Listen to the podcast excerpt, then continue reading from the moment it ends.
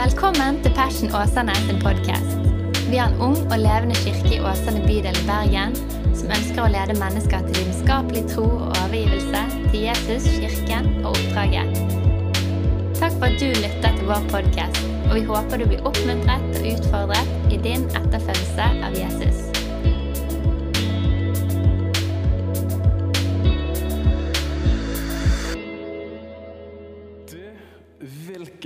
Utrolig stor glede å kunne få lov til å være sammen her med dere i dag. Eh, Dette har jo vært gudstjenesten med det mye i og det rare i, eh, og alt på en gang. Men jeg håper at dere holder ut. Det er litt sånn første gudstjeneste. Eh, Men det er utrolig mye godt som ligger fremfor. Det er det uten tvil. Og eh, jeg kjenner en sånn forventning til tiden som ligger foran her. Og det er så utrolig mye jeg har lyst til å si, og jeg skal prøve bare å fatte meg i korthet. For dette, det jeg har lyst til å si til dere, Jeg lurer på om det er én side lenger enn vanlig manus, og noen av dere tenker å herlighet. Eh, men eh, anse det som din bursdagsgave til meg at du smiler litt lenger i dag. ok? Kan det være en plan? All right. Men eh, i dag så hadde vi litt mer liturgi under nattværen. og vi, Jeg kommer til å snakke litt mer om det kanskje på Viken. Men tanken er helt enkelt at vi ønsker å koble oss på noen av kirken sine røtter som har vært i 2000 år. Og så kommer vi fra en del av kirkelandskapet der vi tenker at hvis det er faste rammer, så har Gud forlatt oss. Eh, for da kjenner ikke du Den hellige ånd som inspirerer deg i øyeblikket. Men så, det som er fint med Den hellige ånd, og det, det er jo det personlige livet som er viktig, men det er ikke alltid følelsene og alt er, spiller helt på lag med deg. Da har noen rammer som hjelper deg å rette fokus oppover når ikke emosjonen og karismatikken er helt på maks. er en fantastisk ting, for det tar deg i riktig retning selv om ikke emosjonen er der. F.eks. ekteskap. Det er jo ikke alle oss som våkner opp hver morgen og bare tenker yatzy. Men sant? da er vi bundet. Og da går du i riktig retning likevel. Er du med? Og litt sånn er det med liturgi på sitt beste. da. Dette var ikke planlagt at jeg skulle si, men så er det at jeg og Mats og vi andre vi øver oss på å, på å få litt rammer. Så jeg håper dere er med på det. Vi prøver oss fram. Vi kommer aldri til å glemme hvem vi egentlig er. Men det er ikke enten-eller. Det er ja takk, begge deler. Ok, bra. Og det er altfor mye jeg har lyst til å si. Så herlig barnelyd. Var ikke det fantastisk? Det er fullt kaos. Jeg bare kjenner at uh, Ikke bli stresset hvis barna dine ikke oppfører seg finest, for at pastoren sin sønn er den største pøbelen. Så dette Ikke bli stresset, vi jobber med det. Så, så det går bra. Og, og det er òg lyden av framtid, ikke sant? Det er akkurat det det er. Herlig. Hva er det mer jeg skulle ta og si til dere? Jo, og eh, Når dere spør meg om eh, jeg har fått noe fint i dag, så sier jeg eh, at jeg har fått det fineste, nemlig kone og to-tre barn. og Det er den største gaven. Og så er det en morsom historie, og jeg og Helene vi lo med frokostbordet i dag. Men jeg fikk to gaver i dag tidlig, og jeg må bare dele det med dere. Jeg er jo 30 år.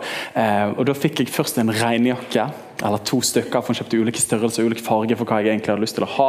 Men hun vet jo at jeg kan ikke få dra og gå med regnjakke og ville aldri kjøpt det til meg sjøl, så derfor kjøpte hun det til meg. Eh, så dette jeg tok på smilet mitt. Det der kan bli praktisk. Eh, og så fikk jeg den harde gaven, og jeg bare tenkte yes, nå får jeg noe hardt. Og Gaver er ikke mitt kjærlighetsspråk, men jeg så likevel fram til Du er liksom 30, det må være noe litt ekstra i dag. Og så åpnet jeg opp, eller ungene åpnet opp, rettere sagt, og så var det en pizzastein. Og jeg vet noen i fellesskapet er veldig glad i pizzasteiner.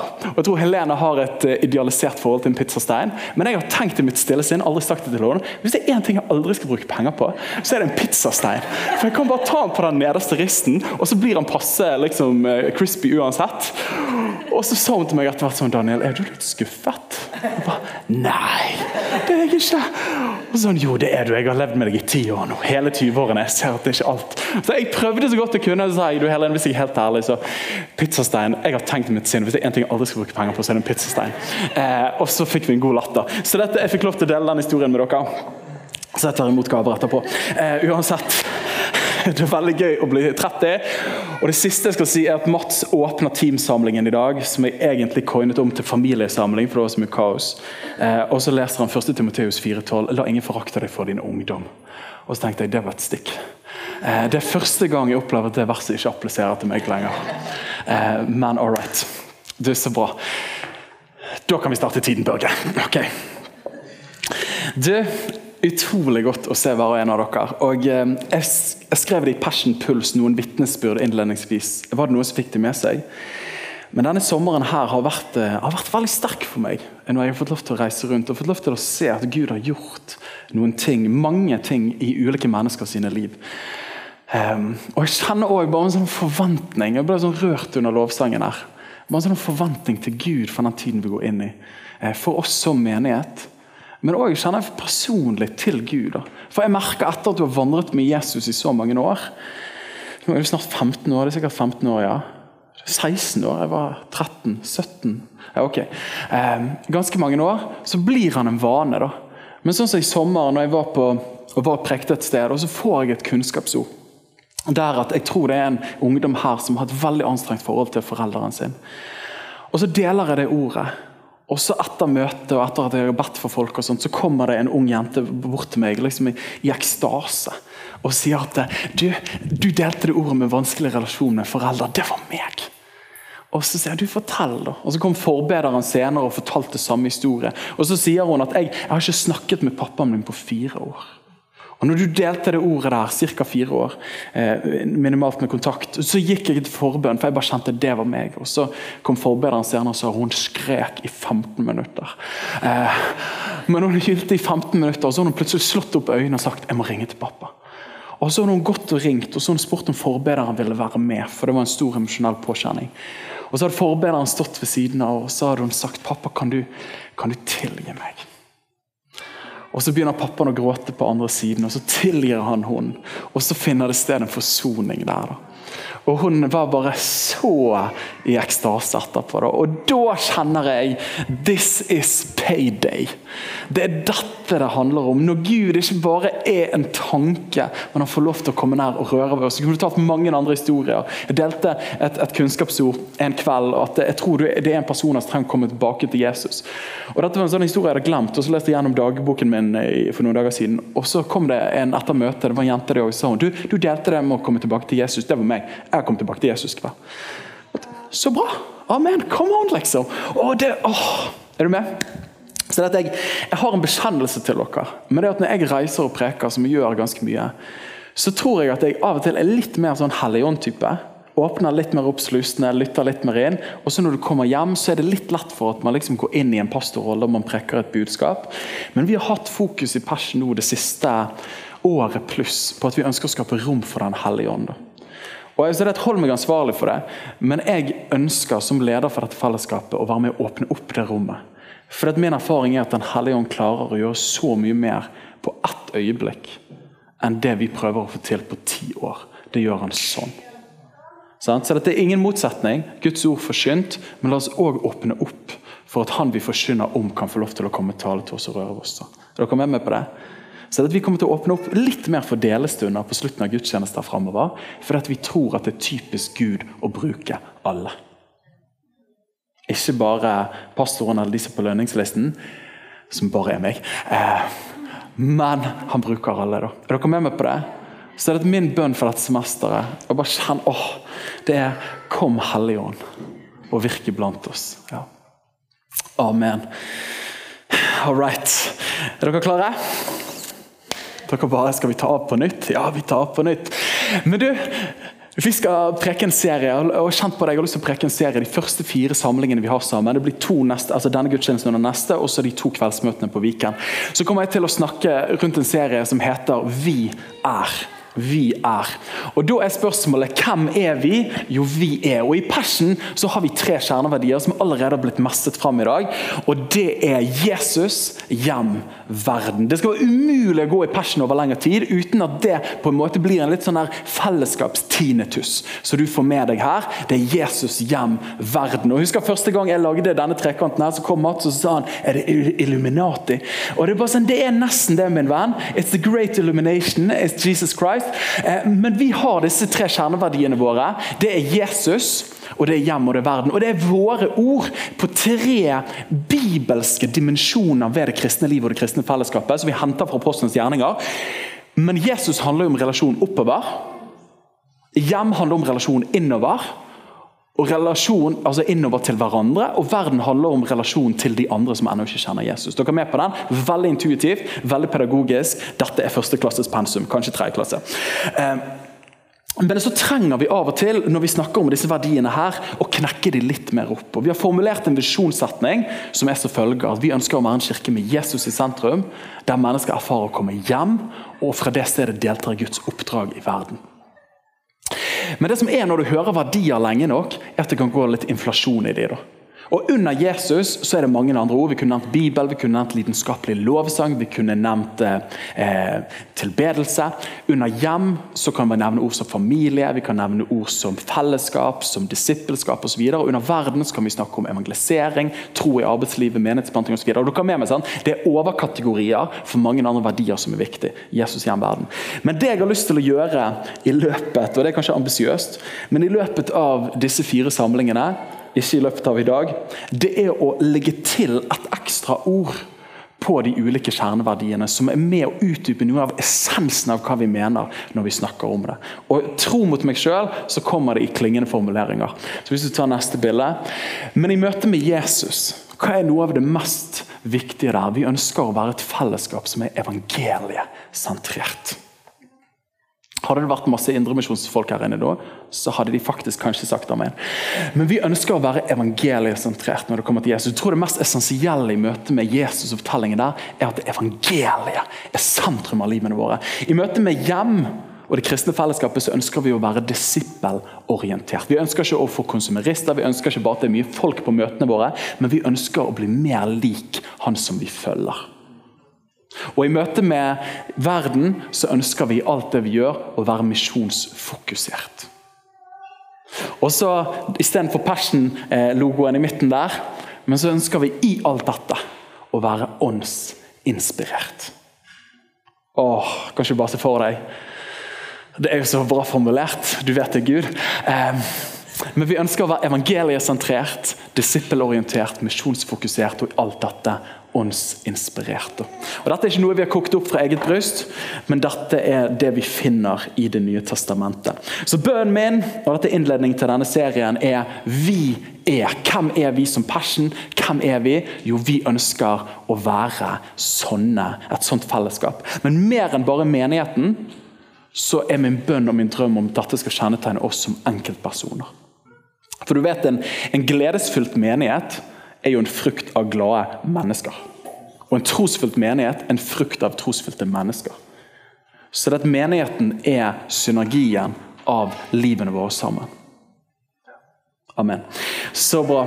Og I dag så skal vi snakke om det første, nemlig at vi er evangeliesentrert. Vi er evangeliesentrert. Men jeg skal ta og preke ut fra Galaterbrevet. og har lyst til å sprette ut ifra det brevet. Så Hvis du har lyst til å være med meg på en reise de neste ukene, eh, så vær med i Galaterbrevet. Det er et fantastisk brev. Bakgrunnshistorien for brevet er at Paulus på sin tredje misjonsreise rundt ish år 55 etter Kristus skriver dette brevet til menighetene i Galatia. Og Det var i høylandet i det som er dagens Tyrkia. Og Han skriver mest sannsynlig til menighetene som han plantet på den første misjonsreisen. så du leser Apostelens gjerninger 13 og 14 og Det er i Antiokia, i Pisidia, Ikonium, Lystra og Derbe. Og jeg vet ikke om du har tenkt på det, men Galaterbrevet er det mest polemiske brevet Paulus skriver. og Det betyr at han er liksom tøffest i kjeften i det brevet. der. Han er ganske hissig der. Det er det mest lidenskapelige brevet hans, og det mest personlige. Så det at Du får mye av Paulus, altså det blir mye av Paulus i monitor i det brevet. og det er, jeg synes jo det er litt gøy da, Men det er et utrolig spennende brev. Og I dag skal vi ta og sparke ut fra de fem første versene. og jeg må si at Jeg nesten er litt sånn skjelvende av å preke for oss som fellesskap i dag. For dette brevet er så kompakt og det er så massivt at idet du sitter der, liksom, så bare møter du på mange måter et hav. Og så står du med en teskje 30 minutter på gudstjenesten og sier han har bursdag, gir vi ham 40. Sant? Sitter du med en teskje og så skal du liksom øse ut av dette brevet. Eh, det er en umulig oppgave, men vi prøver likevel. Så dette, Jeg måtte bare ta de fem første versene, og vi leser der. Paulus, apostel. Ikke av mennesker eller ved noe menneske, men ved Jesus Kristus og Gud Fader, som oppreiste ham fra de døde. Og alle søskene som er sammen med meg, til menighetene i Galatia. Nåde være med dere, og fred fra Gud Fader og vår Herre Jesus Kristus. Og så kommer det som er vår hovedvers. Han som ga seg sjøl for våre synder, som kunne fri oss ut fra den nåværende onde tidsalder etter vår Gud og Faders vilje. Han være æren i all evighet. Amen. Og vi snakker om evangeliet sentrert. Far, disse øyeblikkene som vi deler nå, og i løpet av de neste samlingene vi har, der vi snakker om hvem vi er som fellesskap. Jeg ber deg, Gud, om at du taler til oss som mennesker, og så ber jeg om at du bygger òg oss som menighet. I Jesu navn. Amen. Amen. Du, Da bare sparker vi av gårde. Min erfaring når jeg skal snakke med mennesker om hva den kristne troen handler om, så kan du få veldig mange underlige svar. Og I forberedelsen av prekenen så måtte jeg gå inn på YouTube og så måtte jeg søke liksom, What do people say about Jesus? Hva sier folk om kristne og menn? Og Så finner du folk som går rundt på gaten med en mikrofon og det er jo tidvis utrolig underholdende. Jeg lurte på om jeg skulle vise den til dere i dag, men den var ikke tekstet. så jeg unngikk det. Men da får du liksom ja, Hva handler den kristne troen om? Ja, Hvem er Jesus? Og så får du de mest absurde svarene. Nei, Jesus han er aldri fantes, liksom. Eller Jesus var en veldig ålreit type, men etterfølgerne hans de bare tok eh, undervisningen hans på steroider og så dannet de en religion. Eller han var en profet. Eller han var faktisk Guds sønn. Guds sønn? Guds sønn.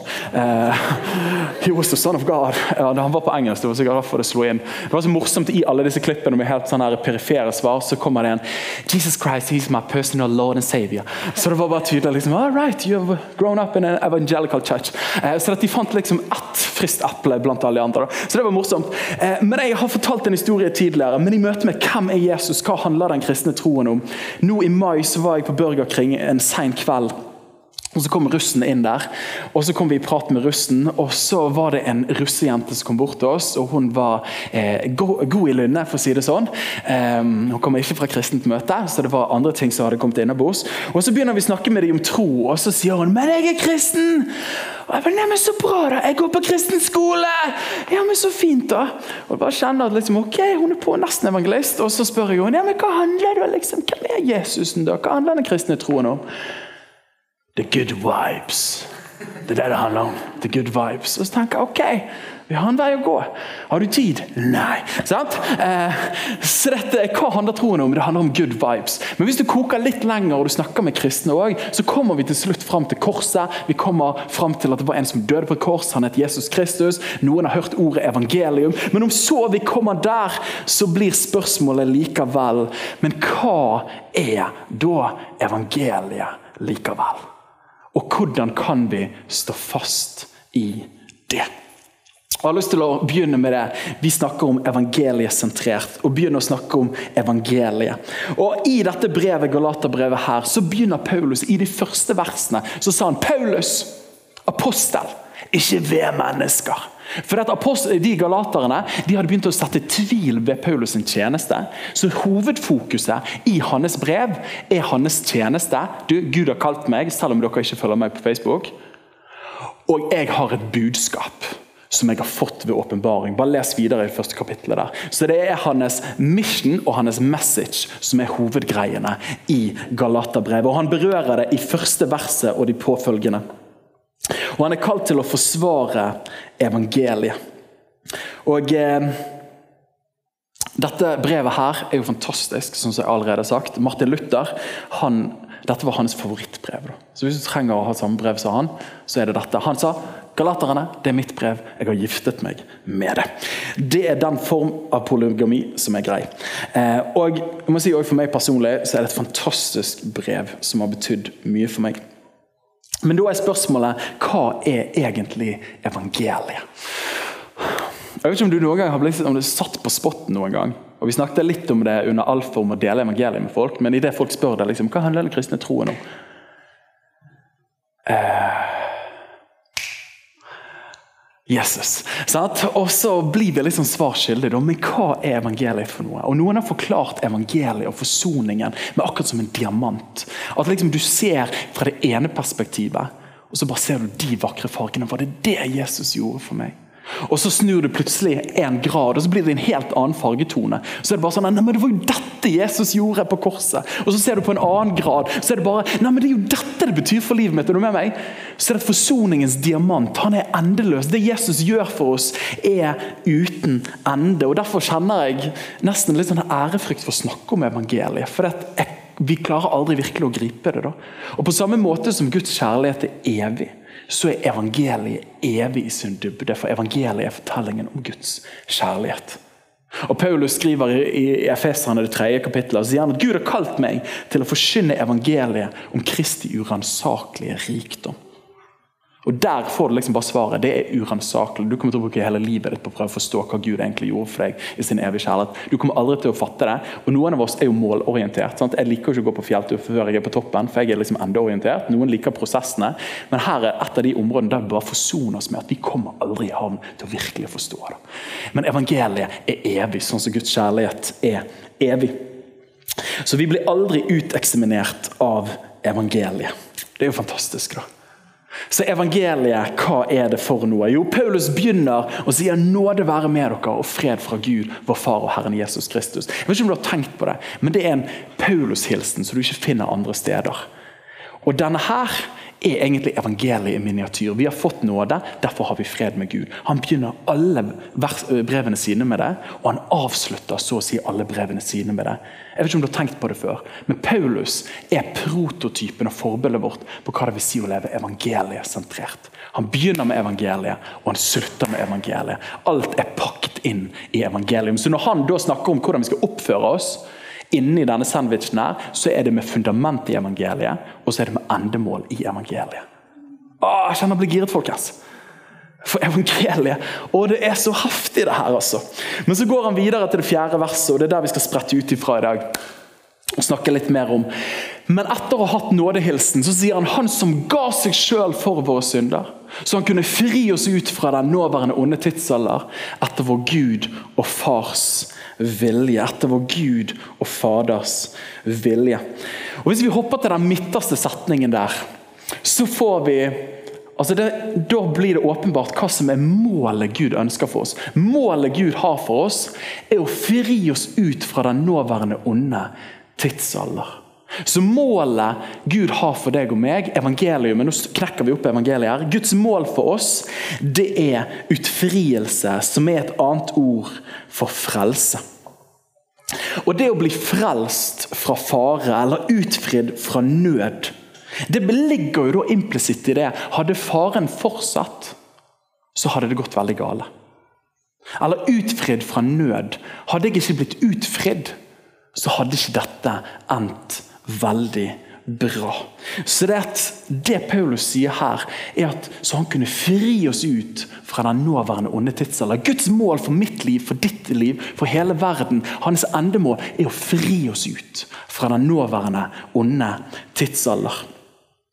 Og jeg ser for meg, Når jeg leste disse versene, her, jeg ser for meg et brennende hus. Der jeg sitter og det brenner, og så henger jeg fast. Og Hadde ikke brannmannen kommet, så hadde det ikke gått bra. Og jeg tror Det er bare viktig å få den på plass at når vi snakker om at Gud frelser oss, at Jesus frelser oss, så er ikke det litt sånn altså Det var trolig surt. liksom, Jeg var for stua, kunne ikke løpe så fort jeg hadde lyst til å løpe. Men så kom han med en protese, eller nei, du trenger ikke en protese, kom med noen skinner, så kunne jeg løpe litt fortere. liksom, Det var fantastisk. Og så blir det liksom Jesus er et sånn deilig leon på livet. Men det er ikke en bibelsk forståelse av hva frelse er for noe i det hele tatt. Bibelsk forståelse av frelse er at dette er på vei til å gå skikkelig gale. Men så kommer han og frir oss ut. Og Når du hører ordene 'nåværende onde tidsalder', så kan mange av oss tenke på eldre bestemødre som gjerne har et gammelt bibelsk vokabular. Men hva er det egentlig som menes her? Jo, Poenget er ikke at Gud ønsker å snappe oss ut fra den tiden vi lever i akkurat nå.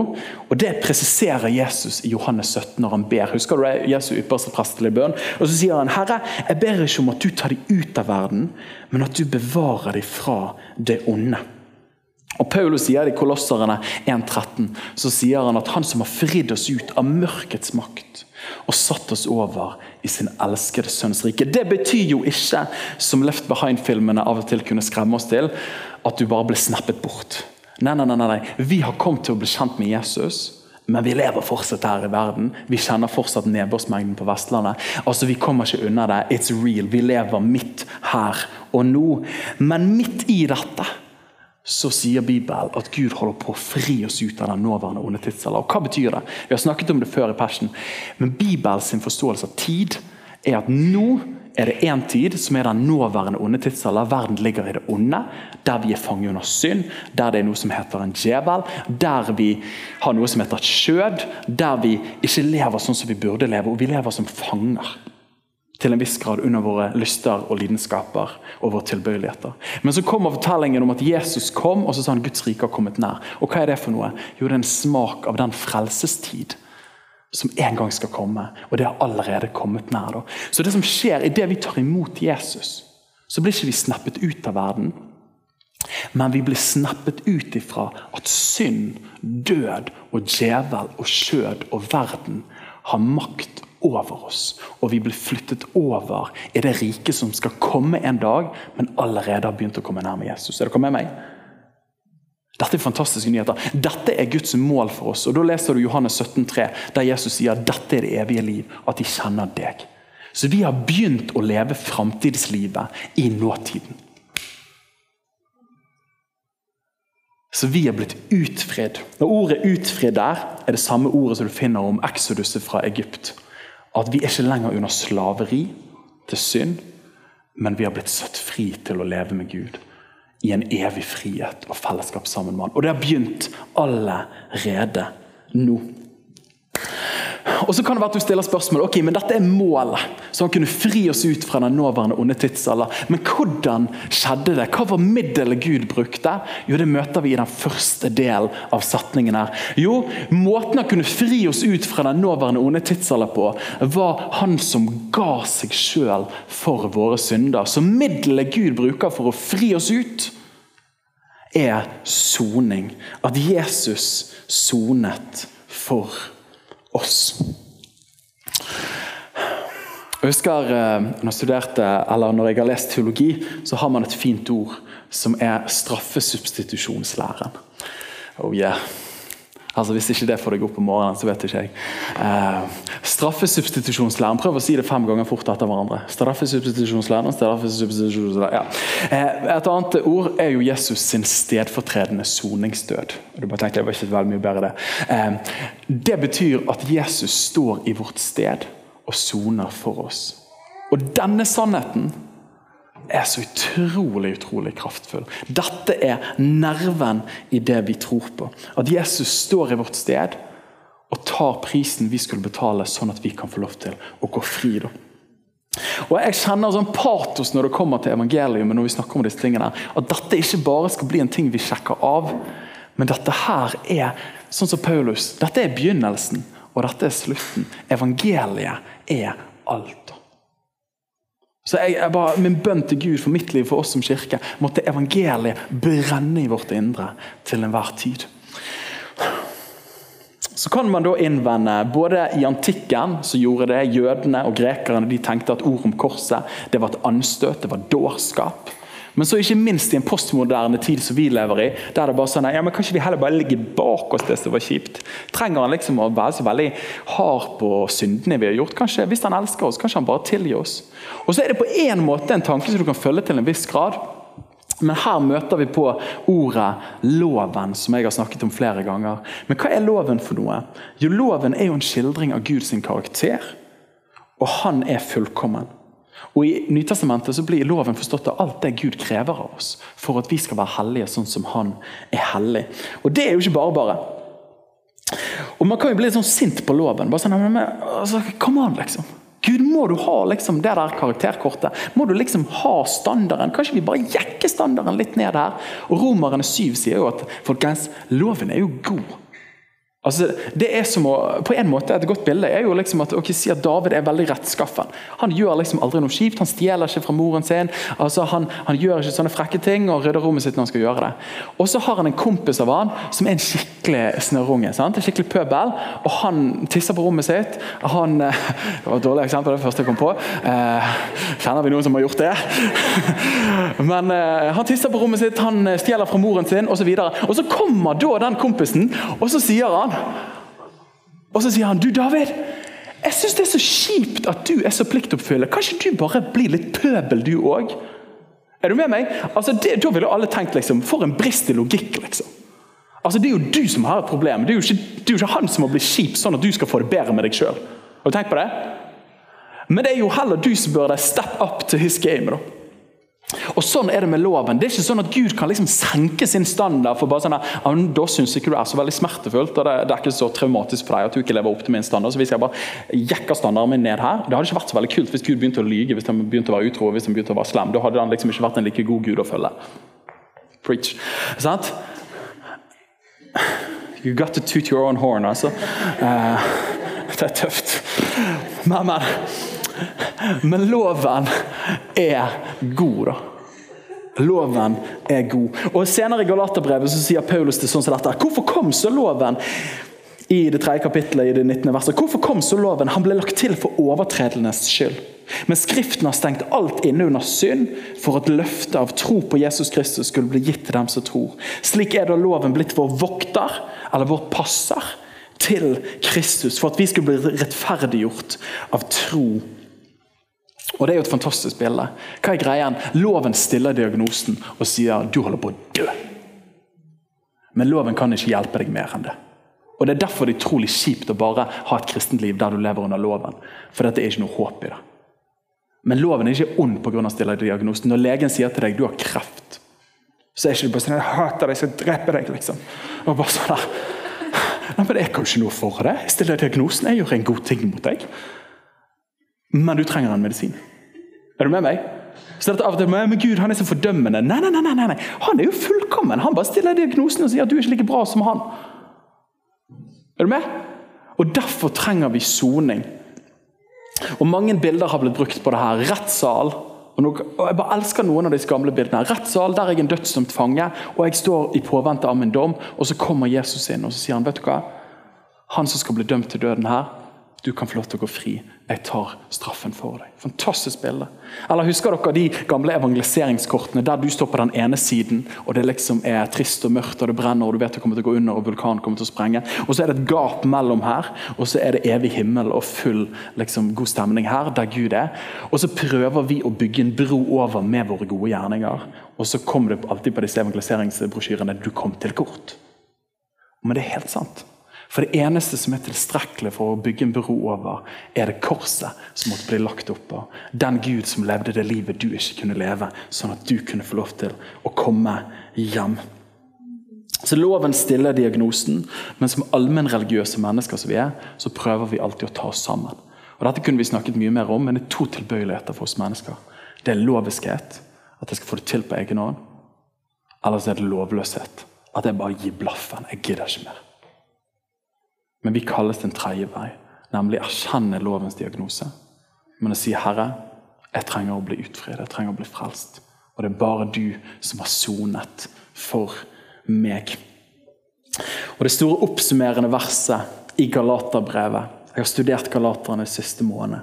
er det andre kapittelet og det 16. verset. Det kan du få lov til å tatovere ned. det kan du få lov til å gjøre noe med. Det er et fantastisk vers.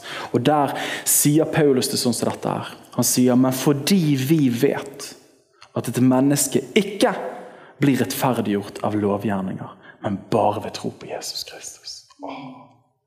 Så trodde også vi på Kristus Jesus.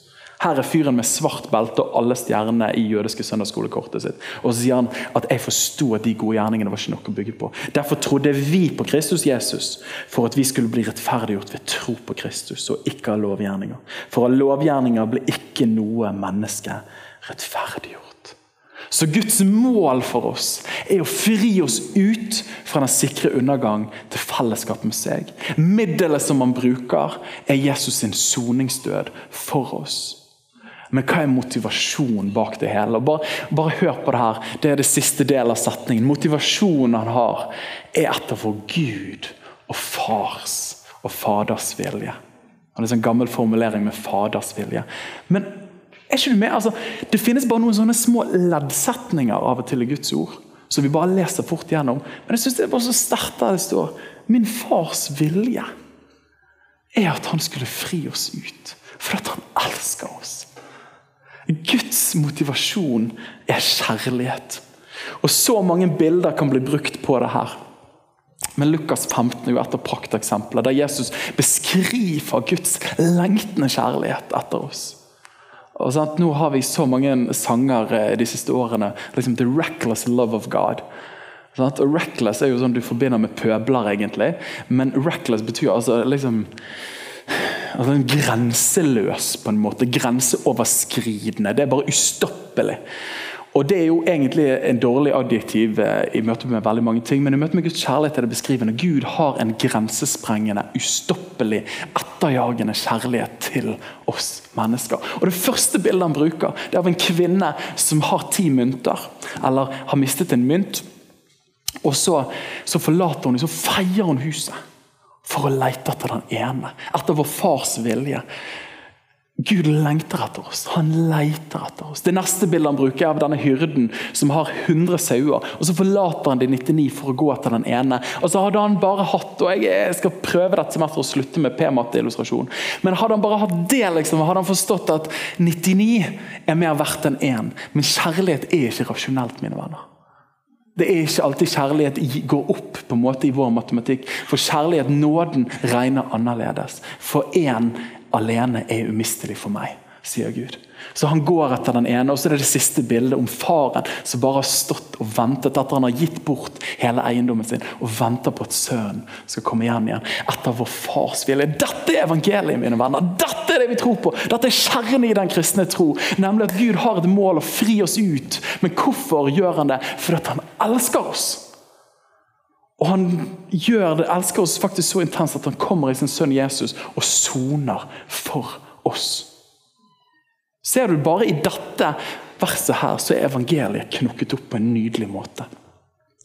Og gode, Våre gode reformatoriske fedre på 1500-tallet de hadde noen sola-bekjennelser, som er latin og betyr alene de tre av de som summerer evangeliet. Den første er sola gratia, ved nåde alene. Dette var i kontrast til mye av middelalderen sin kristendom. Der hadde blitt veldig opptatt av at vi skal få det til på egen hånd. Og Det var superslitsomt, og pengene i kisten klinger. Var sjel ut av skjærsild springer, og de bare tenkte herlighet, hvordan klarte vi å komme oss hit, liksom? Og så begynner de å lese Bibelen igjen, Nytestamentet, og så forstår de at vi må tilbake til evangeliet. Vi må bli sentrert der igjen. Og så kommer de med sola gratia. og jeg bare ser for meg meg nesten som litt sånn pøbler. Så bare sånn, men folkens, dere har hørt dette blitt sagt, men jeg sier dere Hei, folkens. Nytestamentet, evangeliet, det er sola gratia. Det er ved nåde alene. Og Så kommer de videre og sier sola fide, som er ved tro alene. Og så er det sola Kristus, ved Kristus alene. Og Da er frelse av nåde alene, ved tro alene, gjennom Kristus alene. Kan jeg få et lite halleluja? Dette er evangeliet, mine venner. Det er ved nåde alene, det er ved tro alene, og det er ved Kristus alene. Det er så gode nyheter, det! For loven kan stille en dømmende og dødende diagnose som er helt sann, men heldigvis finnes det en som kommer oss til redning og soning. Og Martin Luther han skriver i sin kommentar til Galaterbrevet så sier han denne ene og faste klippen, som vi kaller rettferdiggjørelseslæren, det vi nettopp snakker om her, er hovedartikkel i hele den kristne lære, og som innebærer forståelsen av all Guds frukt. Med andre ord dette er nerven. Har ikke du dette, så går du glipp av alt. Dette er evangeliet. Så evangeliet forandrer alt. Og Bildet som jeg bruker på det, og når jeg satt og forberedte meg, var for meg et stort slott. Der hoveddøren er evangeliet. Men innenfor evangeliet så finnes det fullt av mange andre dører. Og Da kan vi begynne å snakke om tiende, da kan vi begynne å snakke om barneoppdragelse, da kan vi begynne å snakke om samlivsetikk. da kan vi begynne å snakke om alle de tingene der. Men går du ikke inn hoveddøren, så får du ikke det rette lyset til å forstå alle de andre dørene innenfor.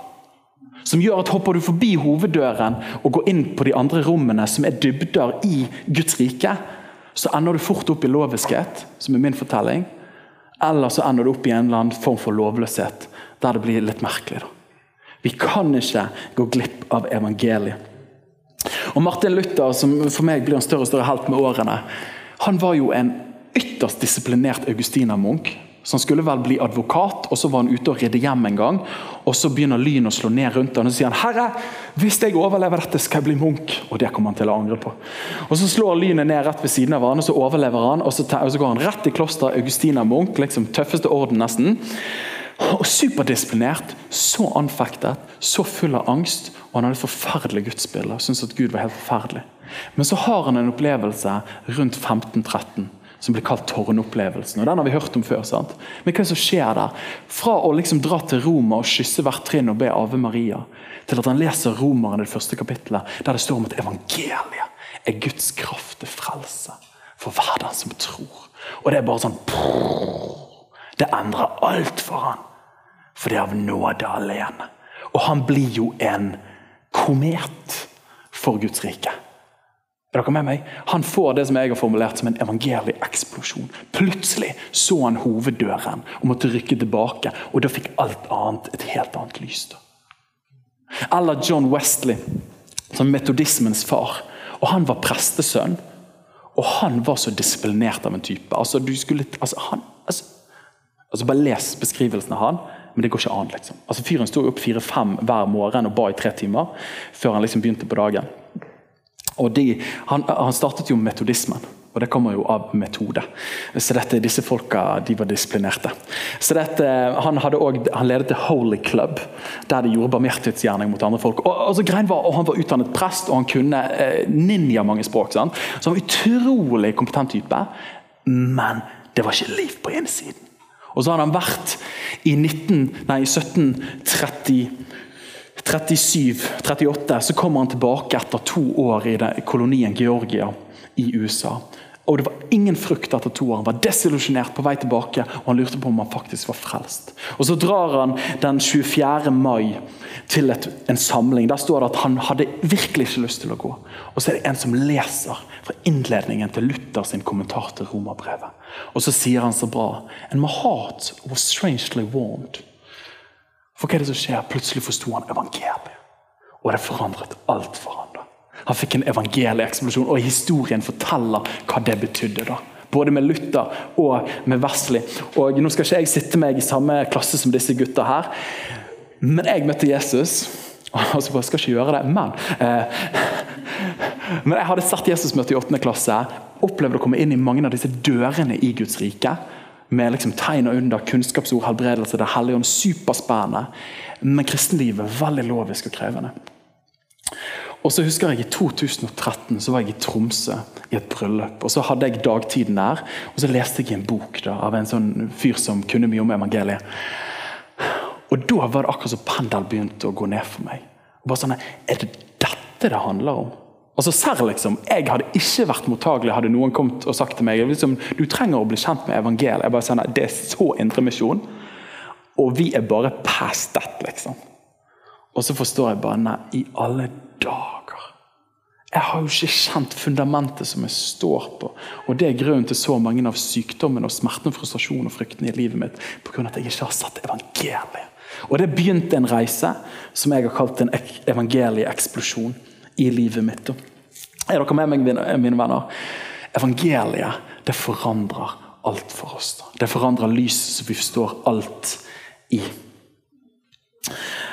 Og, og I det andre kapittelet i Galaterbrevet så er historien at Peter har kommet ned til, til Antiokia. Og så fester han sammen med, altså fester, da, kristenfesting, fester sammen med de andre hedningkristne. Spiser mat med de, og det er god stemning. Kanskje de spiste falafel. hvem vet.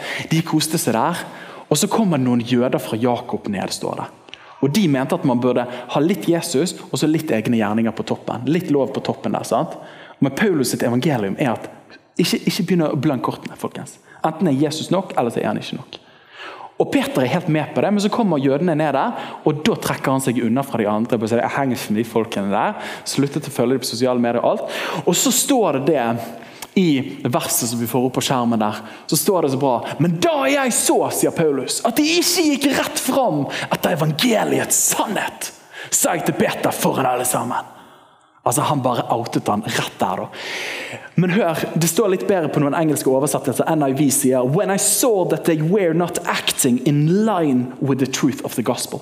Når jeg så at de ikke ektet, altså oppførte seg på linje med sannheten i evangeliet, eller ESV sier det sånn But when I saw that their conduct was not in step with the truth of the gospel Hva er poenget mitt? Jo, når vi griper evangeliet, og evangeliet får gripe oss, så forandrer det ikke bare en liten religiøs område av livet vårt på søndagen. der bare sånn, Det utrolig mye herlig å være med Jesus for tiden. Jeg grep evangeliet. Og så går du ut og begynner å lyge og stjele og gjøre alle andre ting. Nei, nei, nei, nei. Evangeliet forandrer alt for oss.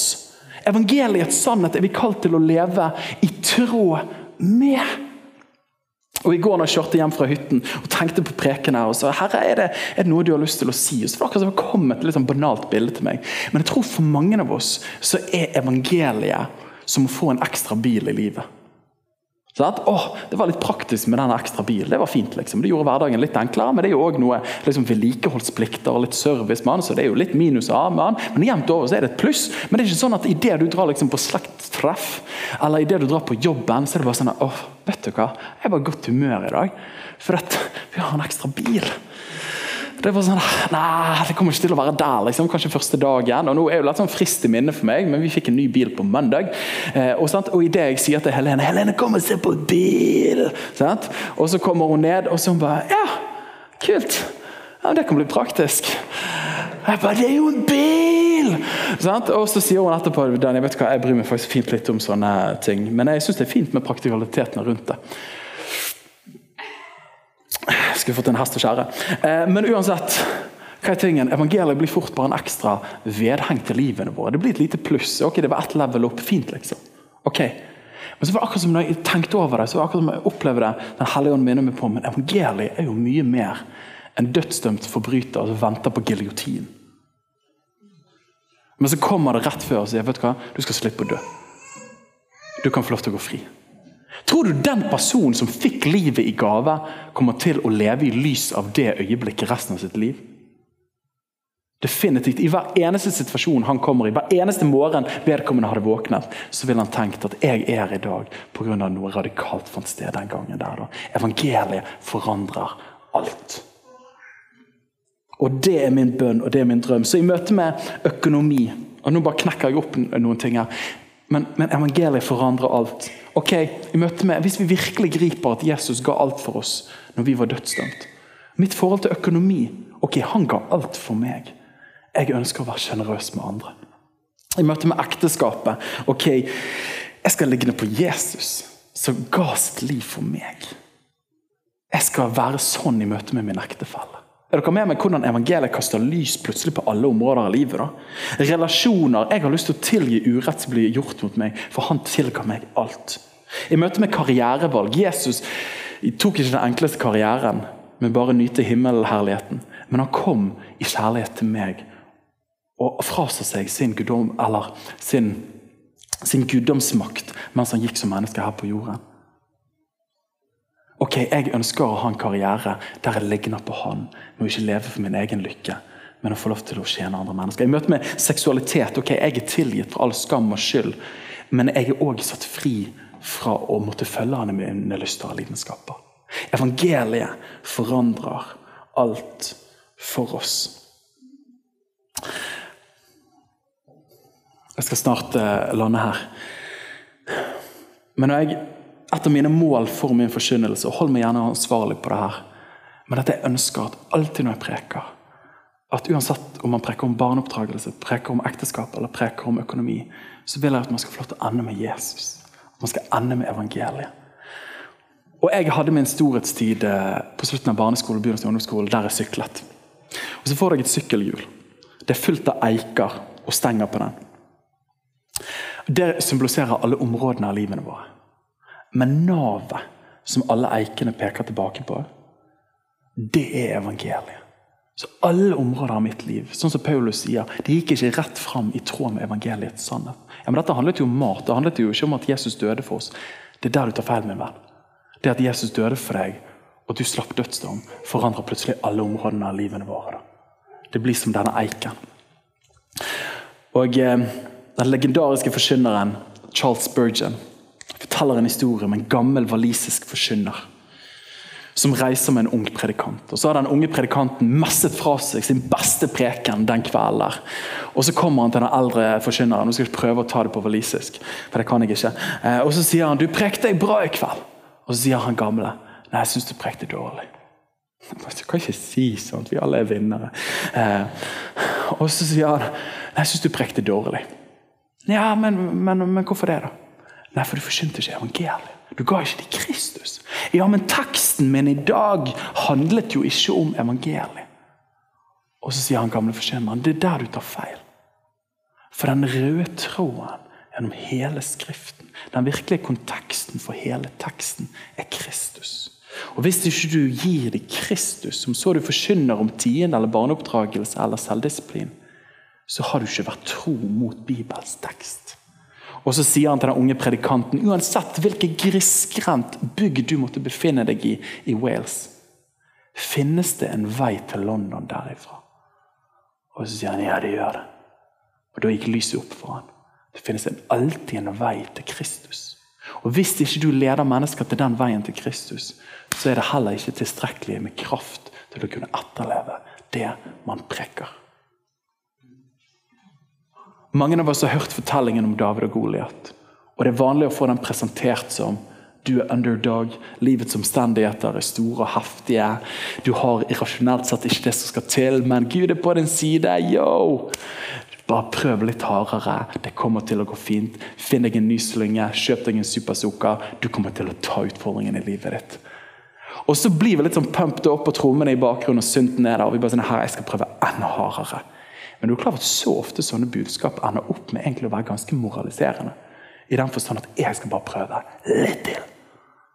Og så blir vi enda mer mismodige, så vi må finne en ny amerikansk predikant som pumper opp entusiasmen en gang til.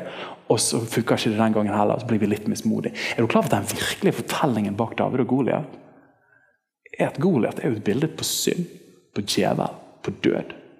Underdogen er jo Gud som ble menneske, som var helt utenkelig skulle frelse. Og David, vet du hva det betyr? Det betyr elsket. Når Gud adresserer sin sønn første gang han ble døpt, hva sier han? 'Du er min sønn, den elskede'. David er jo først og fremst et bilde på Jesus, som vinner over den store fienden som truer oss alle. Og Pga. den seieren så får hele folket gå fri, som et bilde på frelse. Er dere med meg? Heftig? Og Når du har det i bunnen, så kan vi begynne å snakke om ok, du har utfordringer i livet ditt med synd på dette området, her, men pga. at Jesus vant over den største kjempen, så finnes det kraft til at du kan møte de utfordringene i livet ditt. Evangeliet forandrer alt, mine venner. Og Det siste er da evangeliet forandrer alt. Stå derfor fast. Stå derfor fast. Og Paulus sier i Galateren det velkjente første verset i det femte kapittelet. og Dette er jo sånn alle har overalt. og husker Ungdomsarbeidet her i Bergen når jeg på ungdomsskolen hadde det på sine gensere. så Alle fra det miljøet hadde dette bibelverset. Men der står det, der sier Paulus da, i møte med alle ting som vil utfordre oss fra å ha evangeliet som senteret for vårt liv, så sier han stå derfor fast, mine venner, i den frihet som Kristus har frigjort oss til. Altså med andre ord, Stå fast i den relasjonen, det fellesskapet, det livet med ånd, rettferdiggjørelse og tro alene. Fellesskapet med Gud som Kristus har gjort for oss når han sonte for oss. Og La dere ikke nok en gang binde under trelldommens åk.